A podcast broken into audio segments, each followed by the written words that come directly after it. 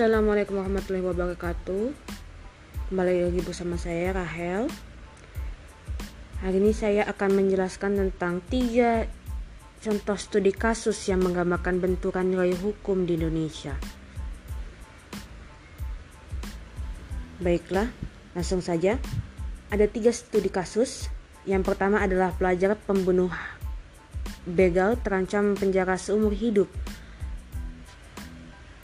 Uh, lalu yang kedua, Nenek Asyani terdakwa pencuri kayu difonis satu tahun penjara. Lalu yang ketiga adalah mencuri tiga buah kakao, nenek difonis satu bulan. Temukan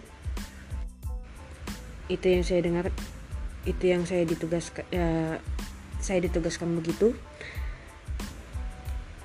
Jadi kita akan menggunakan kaidah Gustav untuk menemukan solusi dari tiga studi kasus tersebut. Jadi ya sebelumnya kita akan menjelaskan kaidah Gustav itu sendiri. Jadi secara umum kaidah Gustav terdiri dari tiga unsur. Yang pertama adalah keadilan, yaitu pendistribusian merata antara hak dan kewajiban. Lalu yang kedua adalah kemanfaatan, yaitu memberikan kebahagiaan berupa manfaat Lalu yang ketiga adalah kepastian hukum. Jadi hukum dibuat dengan jelas dan logis serta tak menimbulkan keraguan.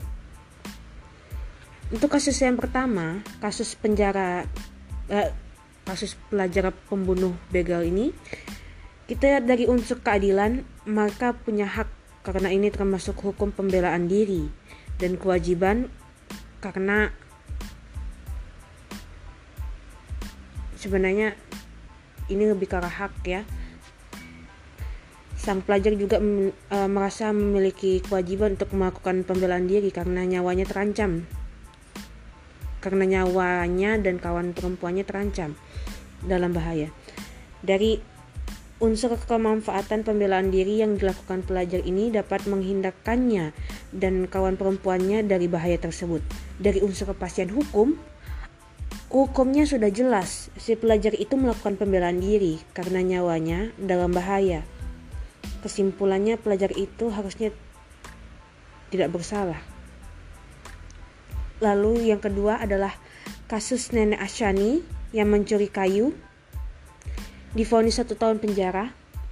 Dari uh, mari kita lihat dari unsur keadilannya, nenek Asyani tidak punya hak untuk menggunakan uh, untuk menggunakan dua batang pohon jati itu.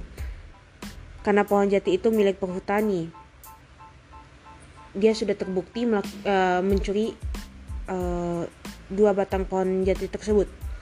Dari unsur kemanfaatan walau menimbulkan efek jerah bagi nenek tersebut namun sang nenek dirugikan karena hanya karena mencuri dua batang kayu ia harus dipenjara satu tahun. Dari unsur kepastian hukum nenek Asyani memang terbukti mencuri kesimpulannya ya sebenarnya memang ia terbukti melakukan pencurian. Tapi mengingat umur nenek itu yang sudah berumur 63 tahun sebaiknya lah ia tak perlu dipenjara. Cukup dengan membayar ganti rugi dari batang kayu tersebut.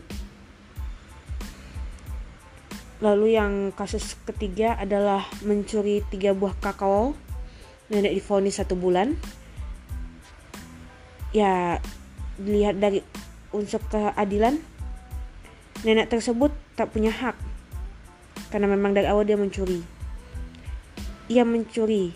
Manfaatnya hanya karena hanya membuat ia jerah.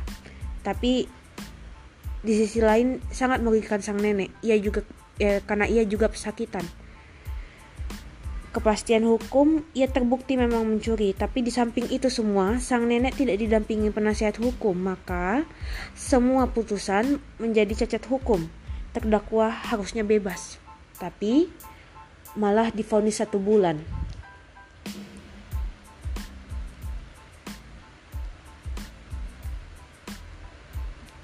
Oke, sekian dari saya.